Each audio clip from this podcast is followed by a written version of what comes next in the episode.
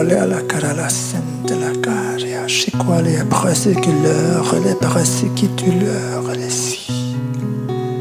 Vi bara tacka dig Jesus för din gränslösa nåd som alltid räcker. Att det blir över. Halleluja. Du är så övermåttans underbart underbar. Kom helige Ande, Med fars oerhörda kärlek. Kom och vidrör oss den här kvällen på ditt underbara sätt. Halleluja. Ikutapakaralassia. Vi bara tackar dig Jesus. Vi bara tackar dig för din kärlek. För din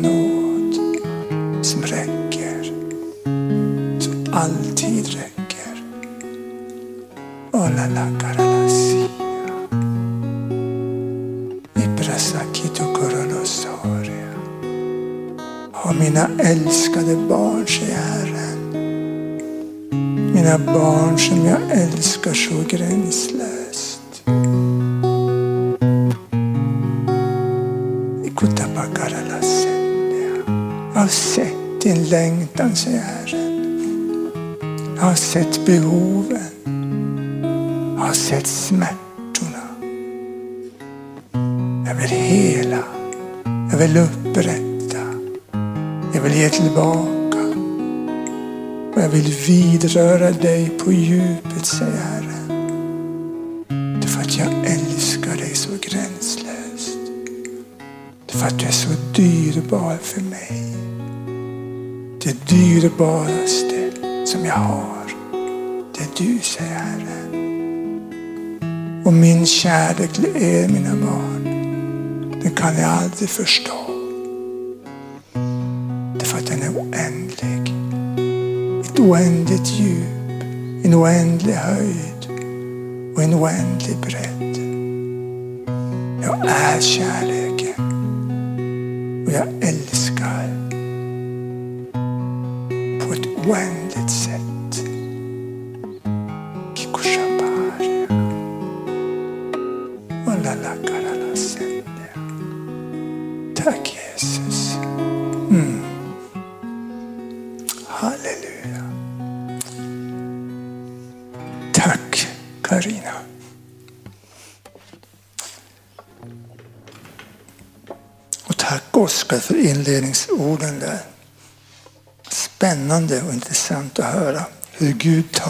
inte minst. Det där känner jag igen. Han är sån.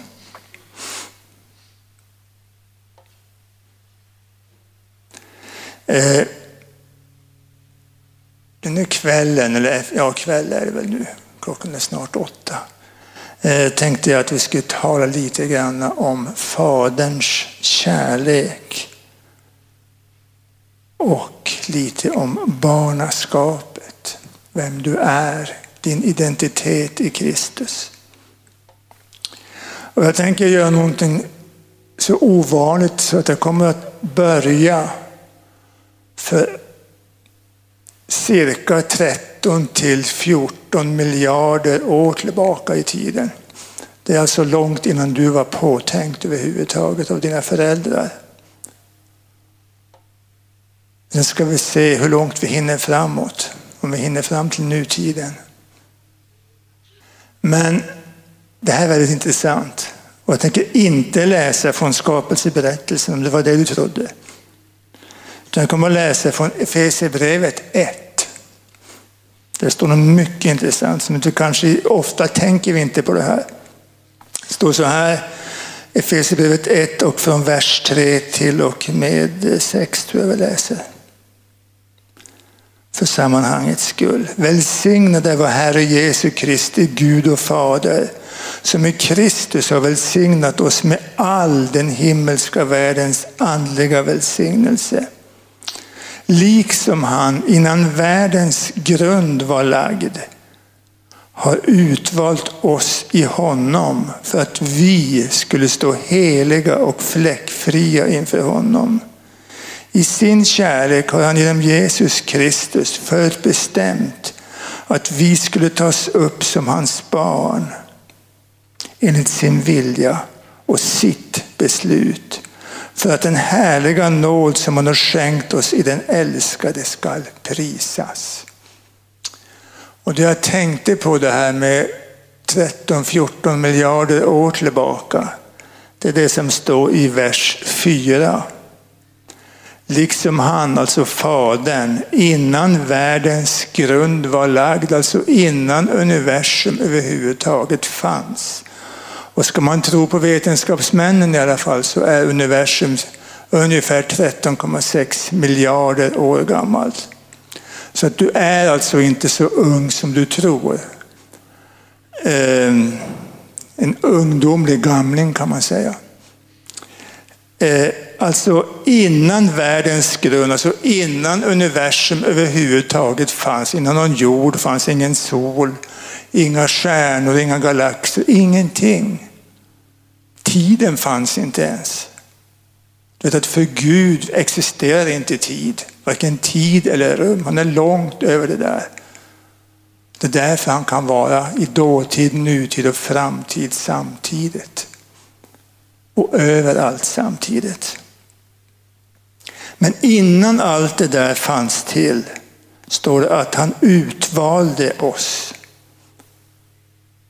Eh, det där ordet utvalde kan man eh, översätta handplockade oss personligen. Alltså, Gud såg genom tid och rum och såg att du skulle bli till. Han önskade dig. Han väntade på dig. Han längtade efter dig. Gud ville helt enkelt ha en familj. Har du tänkt på det där? Har du, har du tänkt på det när du läst de här bibelorden? Att Gud ville ha en familj. Och därför tänkte han ut dig och mig redan innan någonting överhuvudtaget fanns till. Och Det intressanta i det här det är det att han utvalde oss i honom, står det alltså, i Jesus.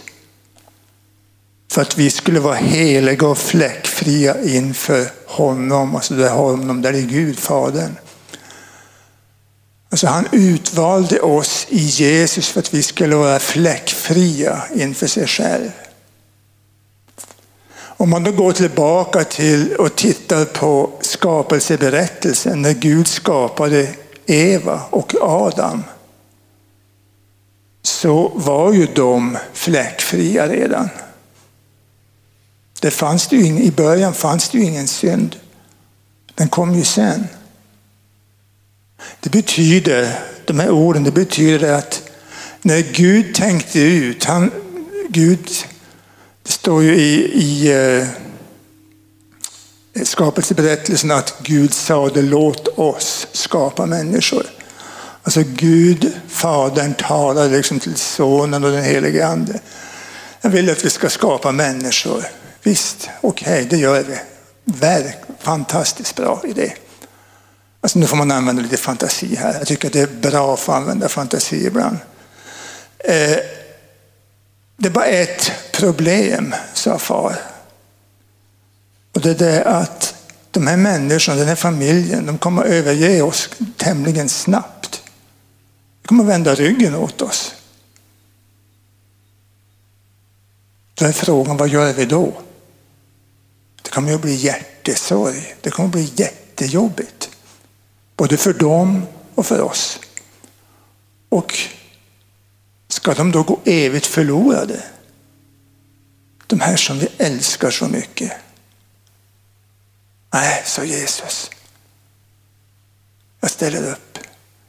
Vi har en plan. Jag kommer ner till jorden. Och så tar jag all deras synd på mig.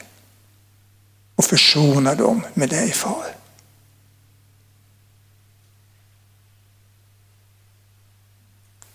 Så gjorde de så. En plan som de bestämde långt, långt innan någon var född överhuvudtaget fanns till. Det är kärlek på hög nivå. Tänk att Gud, när han såg den, han önskade dig, så älskade han dig redan då så mycket och önskade dig så oerhört mycket så att fast än han visste vilket pris han skulle få betala. Alltså det högsta priset. Gud skulle få offra sin enda son och sonen var villig att betala det där priset för att de skulle få en familj, för att du skulle få födas och du skulle få finnas till och ha gemenskap med far själv i himlen. Jag tycker att det är sån oerhörd kärlek så det, det går inte att beskriva. Han skulle ha kunnat sagt det när de vi skapar människor, men det går ju inte för att de kommer att överge oss så att vi får skippa den tanken. Det gjorde han inte. Sen var ju frågan då, vart ska de bo? Ah, vi skapar ett hem åt dem. Och jag misstänker, att om du tittar på universum, jag brukar fotografera stjärnhimlen på nätterna, det är min hobby. Så jag vet lite grann om det. Och vet att det är så stort så att vetenskapsmännen säger att alltså i princip så är det oändligt. Alltså det, det är så många nollor om du ska räkna liksom hur många ljusår långt bort det är så att det, det, blir oändligt. Du kan inte tänka, du kan inte förstå det, det går inte liksom att fatta. Alla dessa, först och för, för det första har vi jorden, solen. Och sen har vi då i, i vår vintergata som vi bor alltså den här samlingen av stjärnor som är då solens storlek och större, finns det alltså ungefär en 400 miljarder stjärnor bara i vår vintergata, vår galax vintergatan. Sen finns det alltså ungefär, det varierar lite vad man tror, men cirka 2000 miljarder galaxer i universum.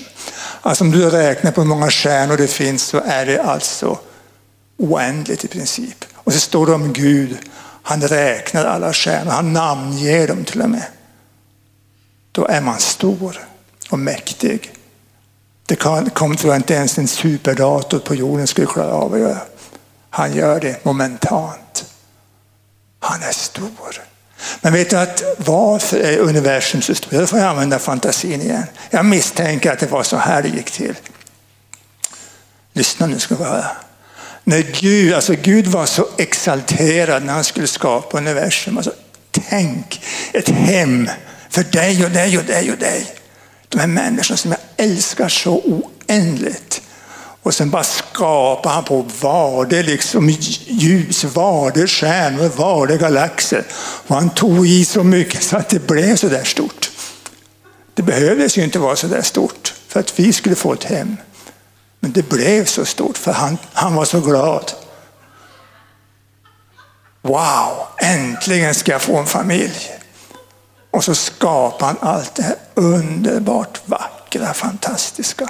Och vet du att om du tittar med en stjärnkikare, alltså ett teleskop ut i universum, ska du få se alltså vad otroligt vackert som Gud har skapat. Ja, det är så vackert så du kan inte tro det. Vilka färger. Karina har sett lite grann av bilderna och tagit. Det oerhört vackert. Och dessutom får nästan ingen människa se det. Men bara Gud bara skapade, för han är överflödets Gud. Sån är han. Sen kom ju syndafallet, det vet vi. ju. Men det var ingen överraskning för Gud. Han visste ju redan vad han skulle göra. Det står väldigt tydligt liksom att ormen skulle, eller att Jesus skulle komma och ormen skulle krossa honom och allt det här. Och han skulle krossa ormens huvud. Allt det där står ju sen. Gud talar bara ut det för att det visste han redan vad han skulle göra. Men du kan ju tänka dig in. Försök att tänka, nu får du använda fantasin igen. När Gud skapade Adam den första människan. Alltså, det hade då gått, det här är så, vetenskapen säger att det har gått så här många år då, så runt 13, 14 miljarder år. som Gud höll på. För Gud existerar ju inte tid och rum, så för Gud var det säkert bara så här så hade han skapat universum, även om det tog så långt. Vi vet inte hur lång tid det tog. Men det, Bibeln är ju ingen vetenskapsbok. Det, en, det, visar ju bara att det är Gud som har skapat allt det här vackra som vi ser. Men tänk dig när Gud skapade Adam. Alltså, om man nu var så exalterad när han skapade universum så att det liksom bara wow, sen blev det jätte, jättestort, mycket fantastiskt fint. Och han hade sån kärlek. Tänk när han hade format Adam, den första människan. Så tittade han på honom. Det står att det var mycket gott. Gud var så nöjd. Wow! Första människan är skapad. Originalet. Så tittade han på Adam, blåste in livsande i hans näsa. Så kan du tänka dig Adam. Han var det som en lerklump först. Så fick han liv, så tittade han upp. Vad såg han? Han såg rakt in i fars ögon. Han såg en kärlek som han aldrig någonsin skulle glömma. En kärlek som fyllde hela honom. Han blev bara totalt uppfylld av kärlek från fars hjärta. Och det blev gemenskap. Hjärta mötte hjärta.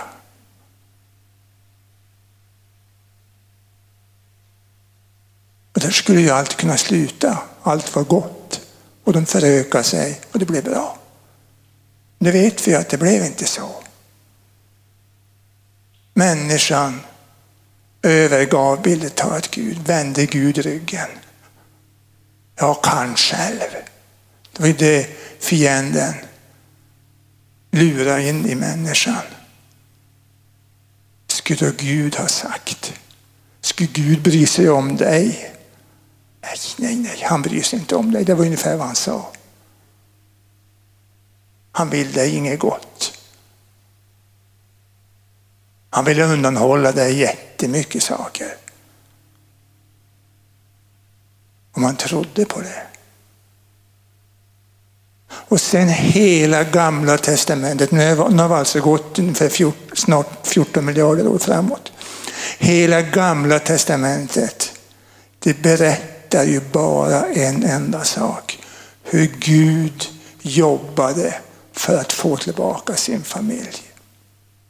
Men du kan ju tänka dig tanken lite granna bara sådär. När Adam och Eva syndade. Guds hjärta. Jag vet inte om man kan säga att Gud fick ett krossat hjärta. Kanske inte han fick. Han visste ju om vad som skulle hända. Men visst var det smärta. Gud känner smärta en oerhörd smärta. Och kanske inte bara för att han förlorade kontakten med sin familj. Utan för att Adam och Eva, han såg vilket elände de skulle möta. I ensamhet, övergivenhet. bara för att de trodde att de kunde själv. Tänk dig Adams situation, han som hade mött den där blicken, den där kärleksfulla blicken från sin far och så bara bli utvisad från Edens lustgård. Nu får du inte vara med längre. Och han bara visste, nu får vi klara oss själv. Så vilken smärta. Jag förstår inte att han överlevde överhuvudtaget med sån hjärtesmärta. Men Gud hade en plan. Och där har vi hela gamla testamentet som talar om den planen. Och det står väldigt tydligt egentligen alltså att, Gud, hela det här, att Gud ville ha tillbaka familjen. Det står i, i uh, Jeremia 3 och 19. Uh, det visar, jag vill inte läsa det, men det visar liksom att Gud ville att vi skulle kalla honom pappa eller far. Det finns två olika sätt att översätta det där. Ehm, antingen som en fråga eller som ett påstående. Men båda är, har innebörden densamma. Om man tittar i Bibel 2000 så står det att jag trodde att ni ville kalla mig far.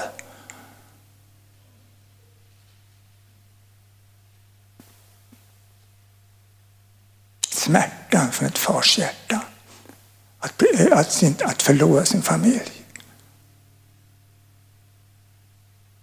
Men de övergav honom. Men sen vet vi vad som hände. Hur, Jesus, hur Gud sände Jesus och försonade oss med sig själv.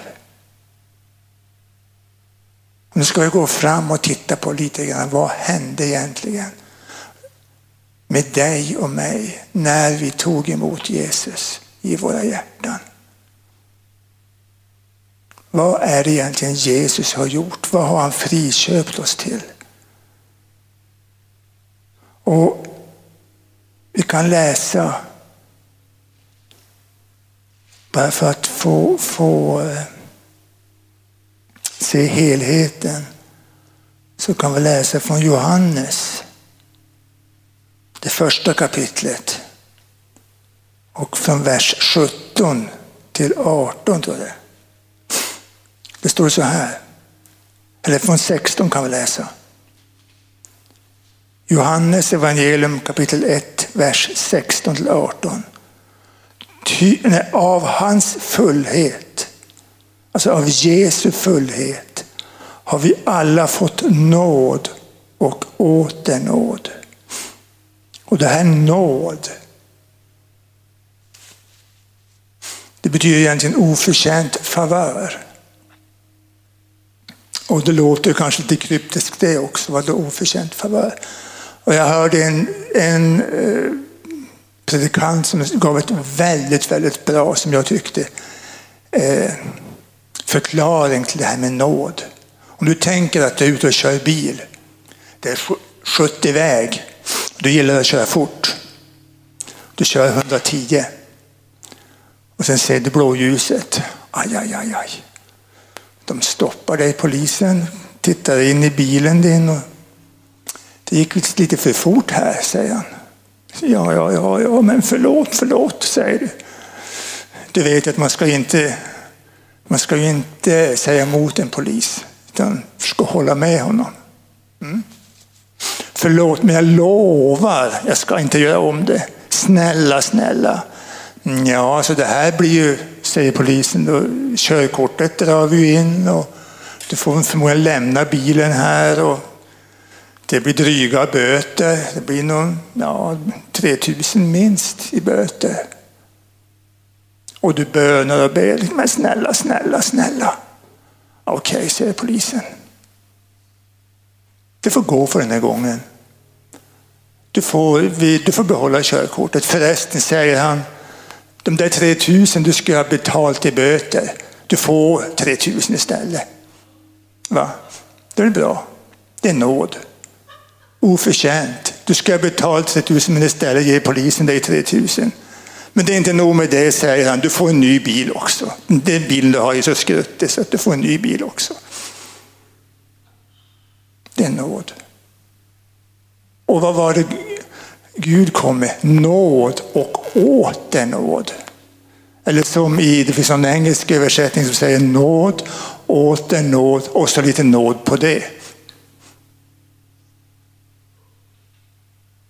Enligt den här, den här liknelsen då blir det alltså en bil och så sen en bil till och så sen några bilar till på det.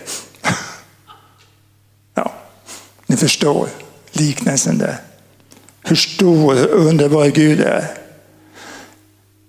Det där har vi fått av Jesu fullhet för att det står i först, eller Kolosserbrevet 1 och 19 att Gud beslöt att hans, alltså Guds hela fullhet skulle bo i Jesus Kristus. Därför kunde, står det så här att det är av Jesu fullhet vi har fått det. Sen står det så här. Lagen gavs genom Mose. Men nåden och sanningen kom genom Jesus Kristus. Ingen har någonsin sett Gud. Och då ska vi tänka på det att det var många i Gamla Testamentets profeter som fick se delar, glimtar av Gud. Mose fick se Gud på ryggen och en del andra profeter fick också se glimtar av Gud. Men ingen såg Gud som Jesus. Det står så här, den enfödde, alltså Jesus som själv är Gud, är och är hos Fadern, har gjort honom känt.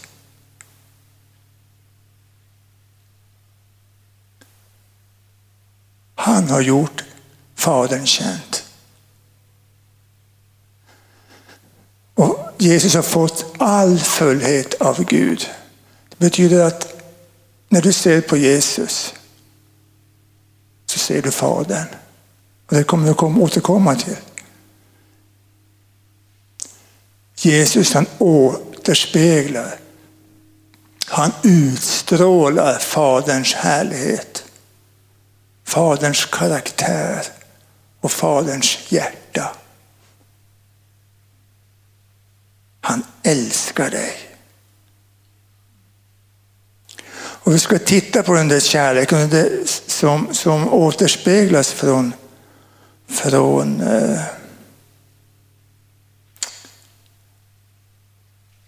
från Jesu hjärta.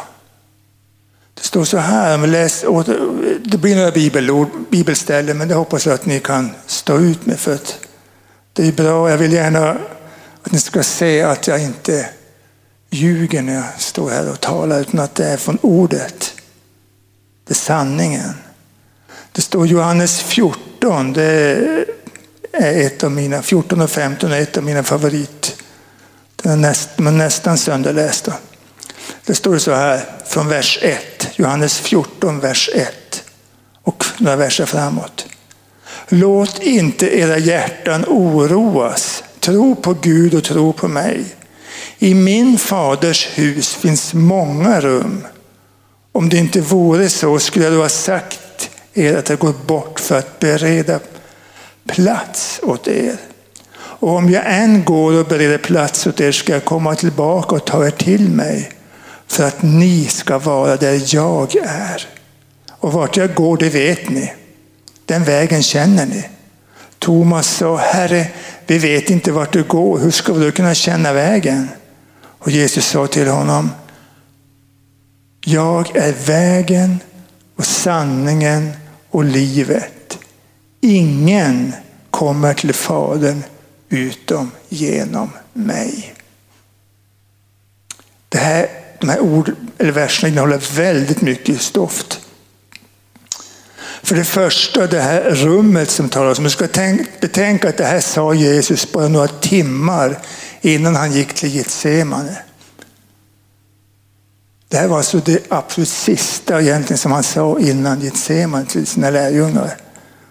Och då säger han Låt inte era hjärtan oroas utan tro på Gud och tro på mig. Och så säger han, det finns många rum i fars hus. Och det här kan du översätta, det finns många rum, stort rum, utrymme i fars hjärta för dig. Och om det inte är så, då går jag och bereder plats i fars hjärta åt er. Och jag ska komma tillbaka, jag går bort en stund, men jag ska komma tillbaka. Det stämmer ju, han gick korsets väg. Och när han kom in till far, efter, alltså när han hade uppstått från de döda, så bar han sitt eget blod in till far och öppnade vägen. Och öppnade vägen in i fars hjärta. In i de här rummen som finns i fars hjärta. Fars hjärta, far har ett rymligt hjärta för dig och mig. Det är väl bra va? Och så säger han dessutom, Jesus alltså, för att ni ska vara där jag är. Och vart är då Jesus? Om du tittar i Hebreerbrevet 10, behöver inte slå upp det om du inte vill. Hebreerbrevet 10 och 12. Jag kan slå upp det bara för att läsa det rätt. 10 och 12 står det så här. Men Jesus har framburit ett enda syndoffer för alla tider och han har satt sig på Guds högra sida. Och det här är väldigt intressant. Det här kan du också hålla en hel predikan om egentligen, de här bitarna. Han har satt sig på Guds högra sida. Vad, vad betyder det? Vad visar det? Det visar att, precis vad som stod här innan, att det var ett fullkomligt offer. Det fanns, alltså om du tittar på helgedomen, templet och tabernaklet som var, så fanns det ju ingen stol där som översteprästen skulle kunna sitta på. Han gick ju in i det allra heligaste en gång per år med blodet för att försona folkets synder. För att stryka över det så att säga. Men det fanns ju ingen stol i det allra heligaste för det var ju någonting han gjorde gång på gång på gång. Det var bara en tillfällighet. Och du vet att det berättas att, att det allra heligaste var så heligt så att om man gjorde något fel, översteprästen, skulle han kunna falla död ner direkt. Därför hade man ett snöre i ett ben på honom när han gick in. För att ifall han skulle dö skulle man kunna dra ut honom utan att behöva kunna gå in själv. Skulle man kunna dra ut översteprästen. Det var ett heligt rum. Men Jesus, vad gjorde han? Han hade satt sig. Det var fullbordat. Det fanns inte mer att göra. Försoningen var klar. Han gjorde, gav, han kom med ett enda offer inför fars hjärta, en gång för alla. Och sen sa far, varsågod och sitt här. På högra sidan, makt, den sida, högra sidan om far. Där sitter Jesus. Och så säger Jesus, jag vill att där jag är, alltså på fars högra sida, där ska också ni vara. Det är ganska fascinerande. Va? Titta vilken kärlek. Och inte nog med att han dog för oss, att han bar all synd, all skam, all sjukdom, allt lidande. Sen vill han att vi ska vara där han är. Så högt upp i hierarkin som du någonsin kan komma. Jag vet inte om du är karriärsmänniska, men du kan inte komma högre upp än vad du är. Du är på fars högra sida, det absolut högsta stället du kan komma på i din karriär. Karriärstegen om man nu får säga så. Du fick det gratis. Du behöver inte ens klättra, du fick det bara. Ja, det, det är fascinerande.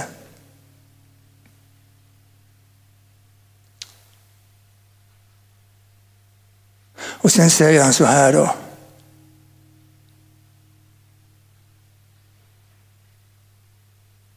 Jag är vägen, sanningen och livet och ingen kommer till Fadern utan genom mig. Han är alltså vägen in till fars hjärta.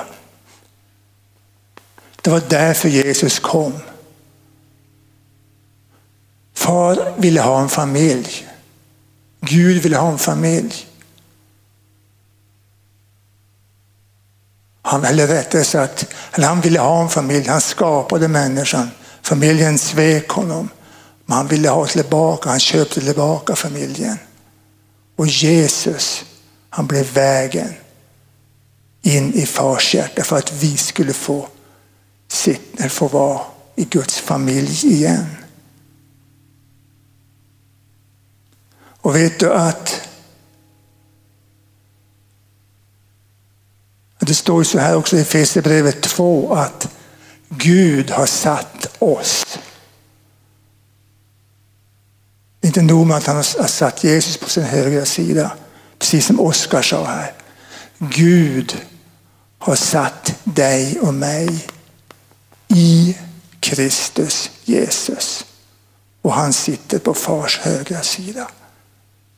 Vet du vad det betyder? Det betyder att du är involverad i Guds familj. Du är i Guds familj. Du kan inte komma närmare Guds familj än vad du är. Du är redan i Guds familj. I Kristus Jesus. Tänk om jag skulle vara Jesus. Då är du i mig. När jag går hit, då går du hit. När jag går hit, då går du hit. Om himlen är öppen över mig, den är öppen över dig. Det jag har, det tillhör dig. När du kom i Kristus Jesus fick du det som tillhör Jesus.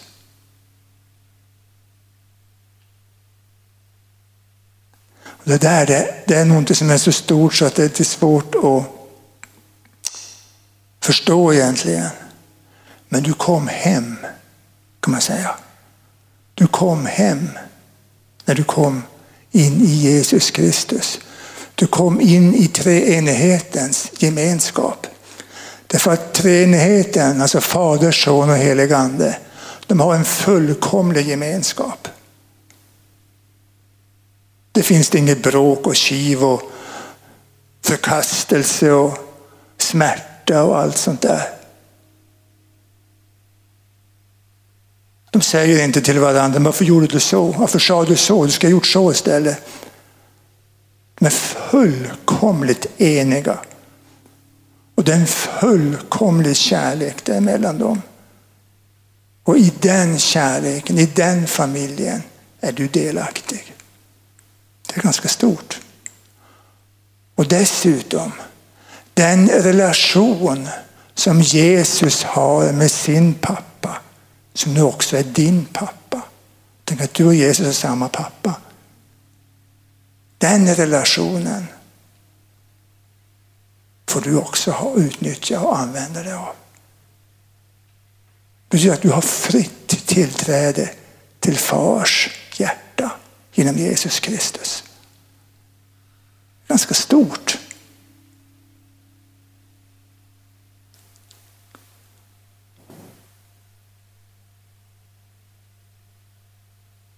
Och du vet att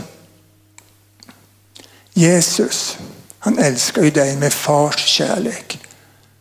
Alltså han visar, om du tittar i Nya Testamentet, eh, i evangelierna ska du se när Jesus talar att han pekar aldrig på sig själv. Han pekar på far hela tiden. Far, far, far. Att far ska bli förhärligad genom sonen, att far ska bli förhärligad. Fars namn ska bli upphöjt. Det är så en son gör. Han pekar. Alltså en son som har, eller man säger en förälder som har ett bra förhållande med sina barn. De barnen kommer att upphöja sina föräldrar. De vill att min pappa, han är världens bästa pappa. Jag har en bra pappa, säger ett barn. Ah, min pappa är mycket bättre. Min pappa kan göra precis vad han vill. Känner du igen det där? Det förutsätter ju att det är en bra förälder. Men far i himlen är ju världens bästa pappa. Han är ju inte en jordisk pappa, även om han är ursprunget till vad pappa heter. Så han är ju världens bästa, han är en fullkomlig, med fullkomlig kärlek. Därför pekar Jesus alltid på far. Och far i himlen, han pekar alltid på Jesus. Han har gett Jesus allt. Han har gett Jesus precis allt han har. För att han, Jesus ska kunna återspegla och visa oss vem far i himlen är och föra oss in till fars hjärta. Så att när du upphöjer Jesus, då upphöjer du far. När du prisar Jesu namn, då blir fars namn förhärligat. Därför att det är en ömsidighet, det är alltså en kärleksband emellan. Och sen kommer den helige ande som hela tiden visar på Jesus. Han drar alltså från Jesus. Så att kärleken som du får, allt det här du upplever från den helige ande, som det kommer från Jesus. Men det är egentligen från far det kommer först, in i Jesus och så sen genom den helige ande in i, vår, in i oss, till oss. Det är mycket först, men det är väldigt bra att veta. Det här är alltså grunden kan man säga. Och då kommer det här. Varför frälste överhuvudtaget Jesus dig? Varför gick han i döden överhuvudtaget? Varför älskar han dig överhuvudtaget? Är det för att du är så duktig? Är det för att han behöver dig? Är det därför att du ska ställa upp och göra en massa saker för honom.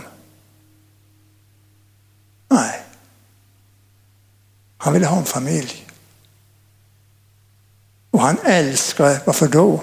Det är för att han älskar. Därför för att Gud är kärlek. Kan inte annat. Han bara älskar dig. Det finns inget för att. Han älskar inte dig för att. Utan han älskar dig för att han älskar dig. Det är ganska skönt. Villkorslös kärlek. Absolut villkorslös. Och han vill ha en relation med dig. Och den får han, alltså far, genom Jesus. När du umgås med Jesus då lär du känna Faderns hjärta. Och du, jag skriver här, du är hemma i Faderns hus och kan slappna av och vara dig själv. Är inte ganska skönt? Du är hemma när du tar emot, i det ögonblick du säger Jesus, kom in. Eller Jesus, nu får du ta hand om mig som jag sa när jag blev frälst. I det ögonblicket kom jag hem till far. Och inte nog med det. Jag fick en present som jag kommer få hålla på hela livstiden och längre ändå. Jag kommer ändå inte hinna öppna alla paket jag fick. Av allt det goda som han har gett mig i Jesus Kristus. Vi läste ju här att du är välsignad med all välsignelse som finns och få överhuvudtaget. Och det kan du se som små paket. Du säger, men jag har inte upptäckt det. Nej, men du har inte öppnat paketen. Börja på öppna ska du få se. Det finns hur mycket som helst. Men vi måste ju riva upp pappret och se vad det är för någonting, eller hur? Och vet du, det här ordet som står i Efesierbrevet 2, att Gud har satt dig i Kristus. Det ordet, det är egentligen en sån inbjudan till Guds familj. Att vara med i Guds familj. Och det betyder egentligen att du är ett barn till Gud. Du är Guds barn.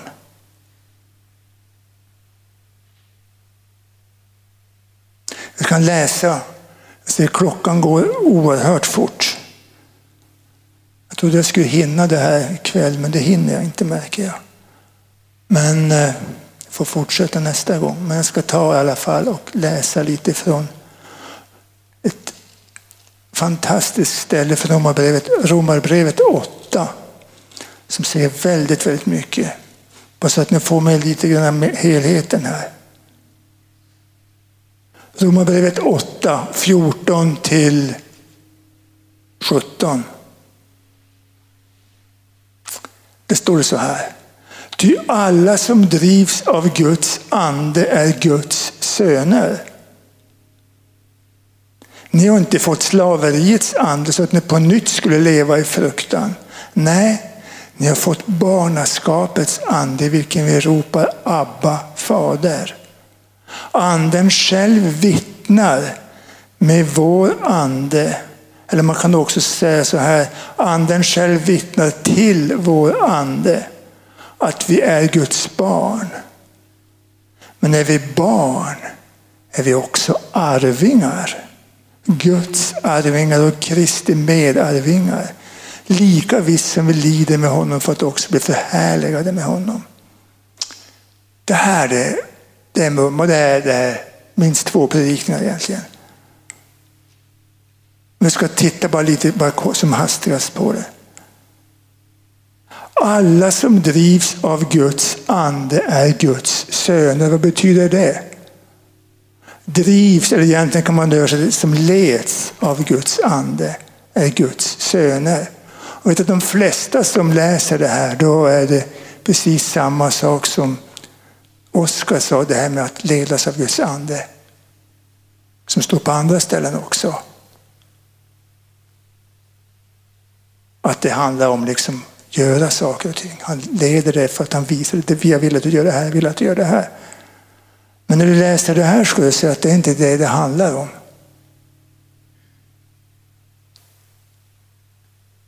Därför att, vad står det? För det första står att någon inte fått slaveriets ande så att den skulle leva i fruktan. Och det vet väl alla vad det innebär att leva i fruktan, eller hur? Det är inte kul. Man är rädd för saker och ting. Du kan ju vara rädd för precis vad som helst. Och alla har ju del av, har ju viss mått av, det finns ingen som är helt fri fruktan. Andra än Jesus var fri fruktan. Men det finns möjligheter att bli mer och mer och mer fri. Men sen säger han så här, nej, ni har fått barnaskapets ande vilken vi ropar Abba far eller pappa pappa. Det betyder alltså att du är ett Guds barn. När du blev frälst, när du tog emot Jesus, blev du ett Guds barn.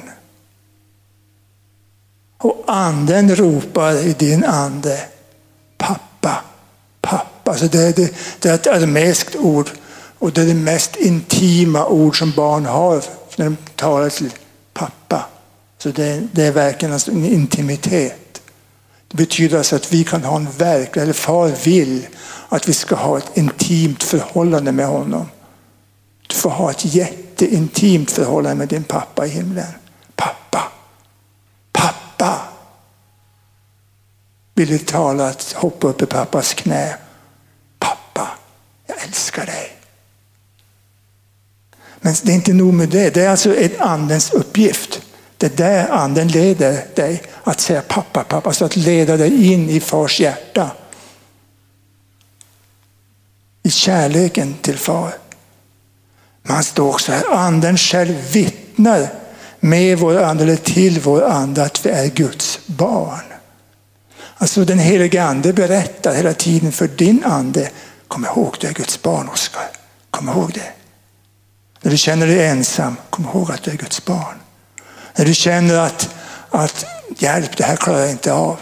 Kom ihåg, du är Guds barn. Du är Guds barn. Och vet att det här, att vara Guds barn, det är din nya identitet.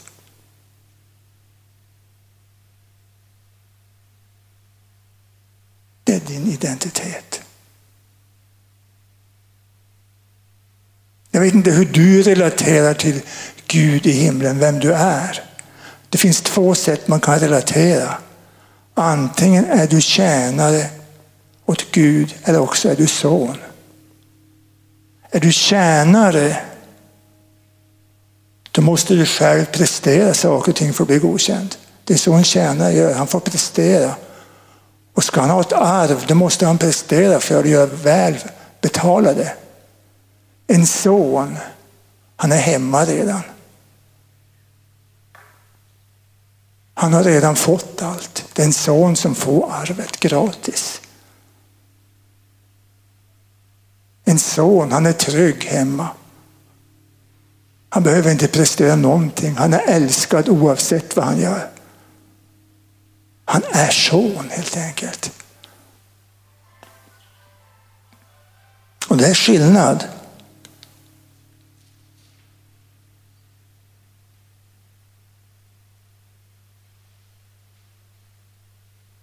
Och frukten av att om du lever som en son eller som en dotter kan man ju säga också naturligtvis. Nu står det son i Bibeln men det är ju för att det är patriarkiskt. Men det är lika, kan översättas till son eller dotter, barn kan man säga. Frukten av det, om du lever som son och dotter i Guds kärlek. Att du tillåter Guds kärlek att bara flöda i ditt hjärta, in i dig. Frukten av det.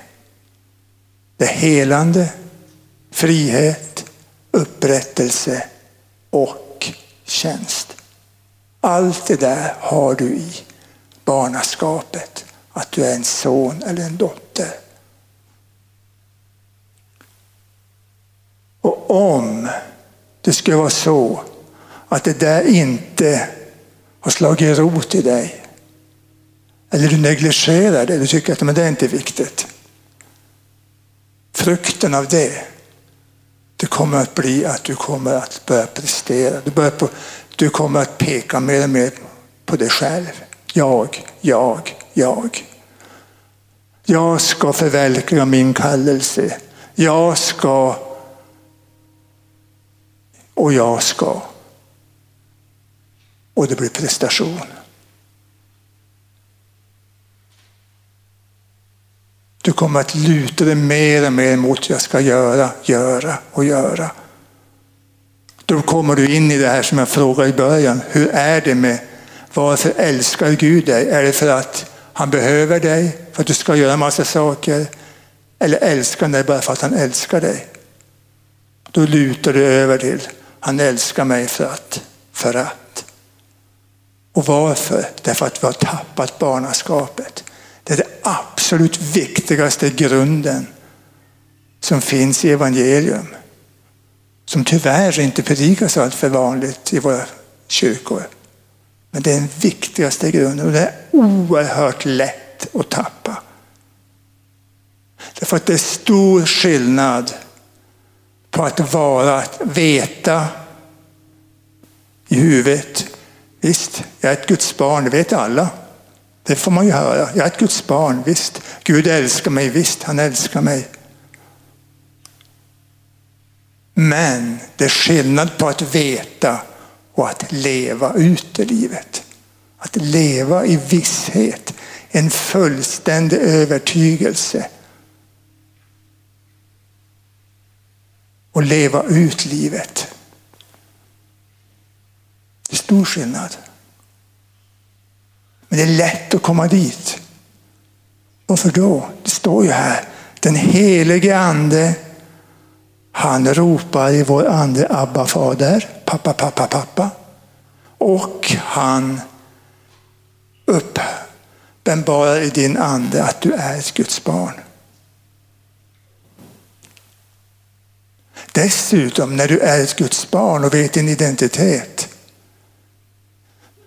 så händer det ytterligare saker i ditt liv.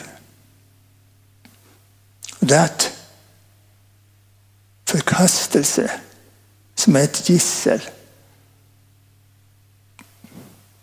Vem upplever inte lite förkastelse nu och då?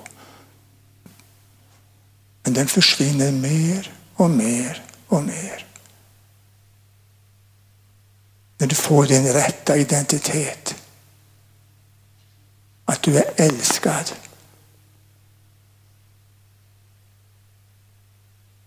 Du är älskad för att du är älskad helt enkelt. Du är bara älskad. Oavsett vad du gör. Du kan sitta stilla resten av ditt liv. Precis som ni gör här. Bara sitta och titta på mig. Resten av ditt liv. Vad trist. Men du är lika älskad av Gud ändå. Han kommer aldrig att vrida armen om dig och säga, men sitt inte där och slöja utan kom nu och gör någonting. Han kommer att älska dig. Men jag vågar påstå en sak.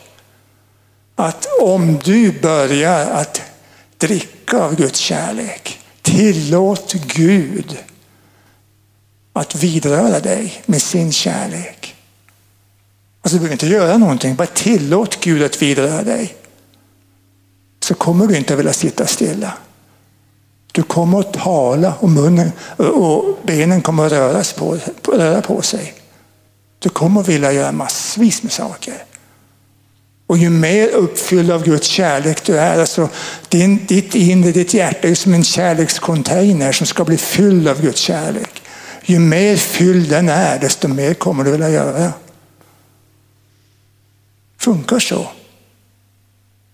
Men det är inte du som gör det. Utan det är Gud, det är, en helig, det är Jesus i dig som gör det. Därför är livet med Gud så oerhört enkelt. Det handlar om en enda sak. Det börjar med K och slutar med K. Vad kan det vara? Kärlek. Jag vet att jag har suttit i kan det vara, tre års tid ungefär. Liksom när jag har suttit och bett och studerat ordet och allt. Den helige Ande har talat väldigt, väldigt mycket. Han börjar med, med kärleksrelationen och gick igenom allt det där. Så, liksom så att visa alla de här bitarna. Och sen var det ett enda ord som bara fastnade.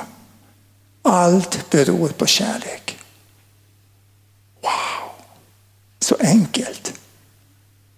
Och det är inte någonting jag ska prestera. Utan det är att tillåta Guds kärlek att vidröra mig. Och säg kom helige Ande och visa mig Guds kärlek genom Jesus Kristus. Kom och visa mig. Kom och visa mig vem jag är. Kom och bekräfta mig. Så kommer han. Jag älskar dig. Du är min son, du är min dotter. Jag gillar dig. Jag har behag i dig. Jag backar upp dig. Du behöver inte vara orolig. Jag är med dig.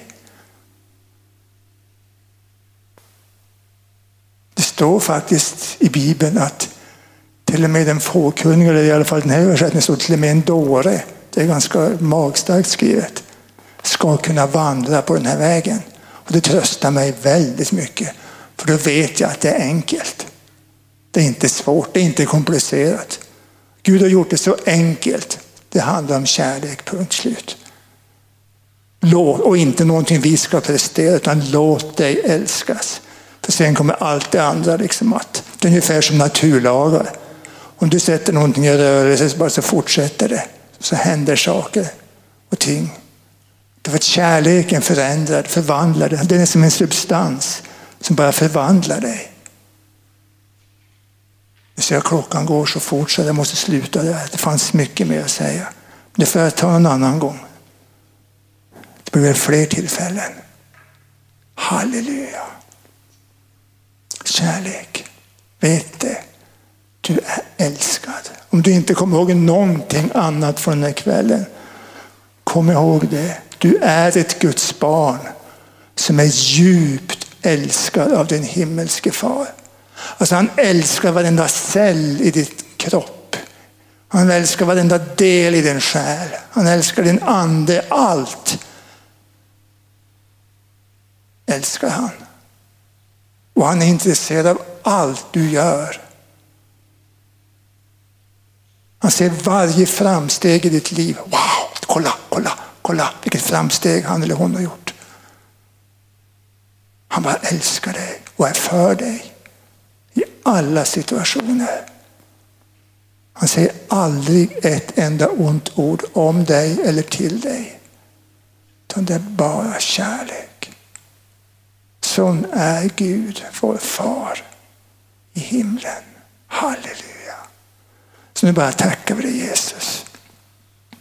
Kom helige Ande och bara ös på med fartkärleken i var och ens hjärta nu Jesus. Att du bara får uppleva mer och mer och mer av dig.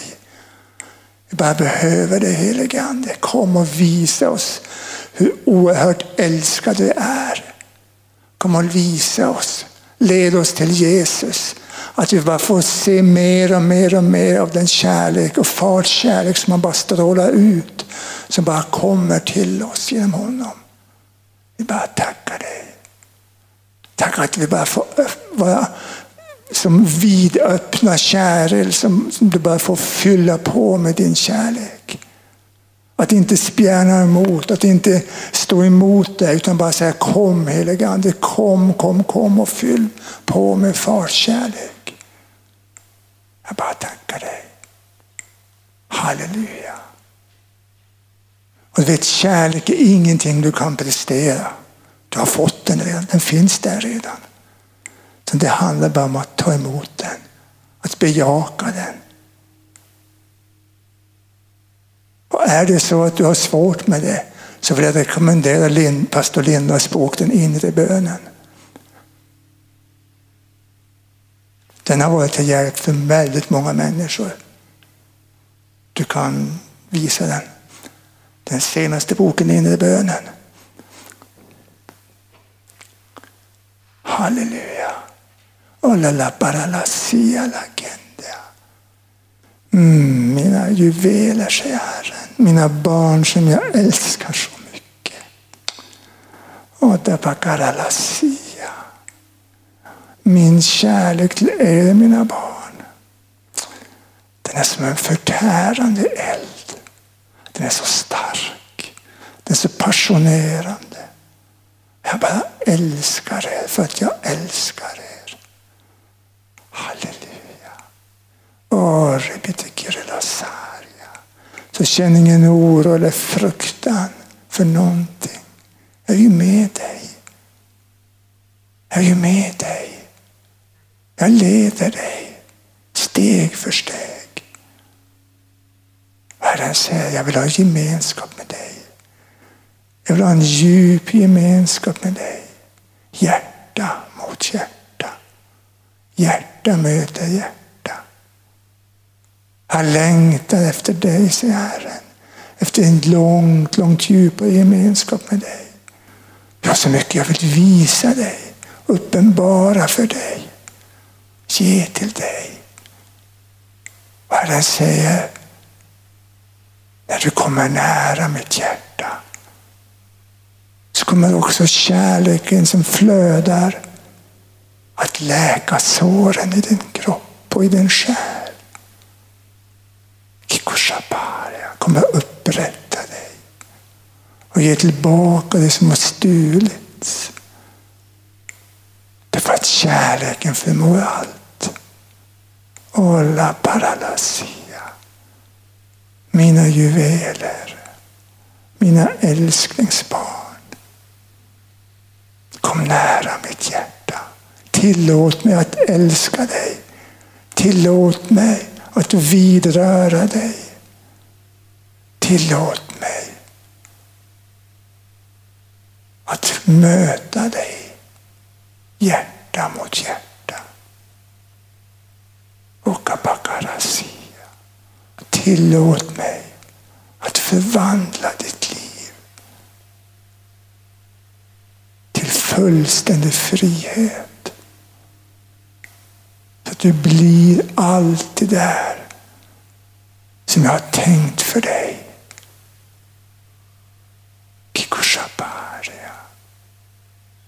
Mm. Jag är så stolt över er mina barn. Det är det bästa i min skapelse.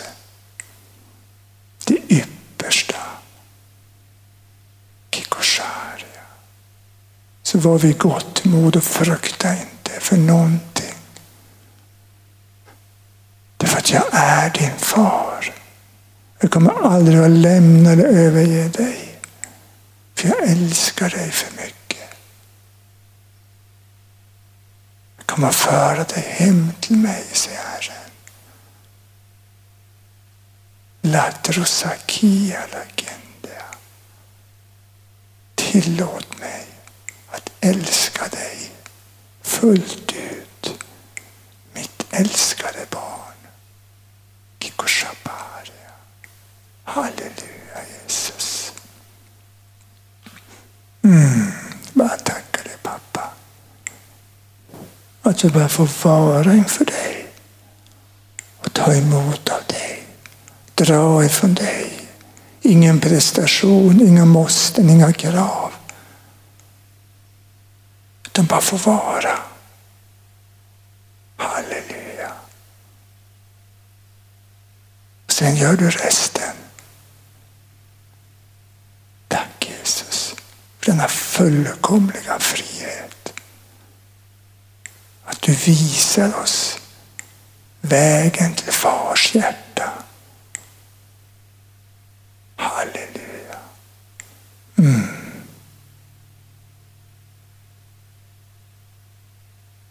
Halleluja. Och vet att kärlek, det kan man inte beskriva, så inte Guds kärlek. Den går inte att beskriva med ord.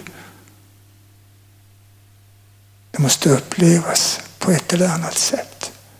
Ofta är man var inre visshet, man bara vet det. Men ibland också kommer känslorna in. Man bara känner. Ungefär som en stor kram. Och just nu, alltså jag kan, bara förmedla det på det här viset, så känner jag alltså pappa Gud, hur han ger var och en av er en stor, stor, stor pappakram. Och bara säger, mina barn, jag älskar er. Av er gott mod.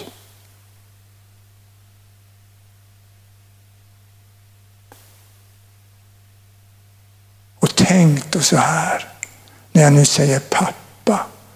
För att jag vet att ordet pappa kan ha väldigt, väldigt negativ innebörd för människor som har upplevt trasiga hem. Men tänk då på att Gud i himlen, vår himmelske pappa, han är långt, långt, långt ifrån en jordisk pappa. Associera inte till din pappa. Han är pappornas pappa. Han är ursprunget till pappa. Han är idealpappan och långt mer. Jag brukar säga så här. Tänk på världens bästa pappa som du önskar att en pappa skulle vara. Sen multiplicerar du miljoner gånger. Du börjar på närma dig lite grann av vad Gud är.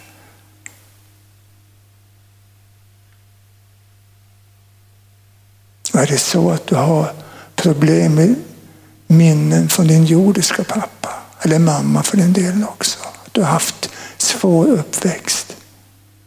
Finns det läkedom? Finns läkedom? För allt det där. Halleluja. Ja, jag hann inte med en del av det jag skulle säga, men får ta det sen. Amen.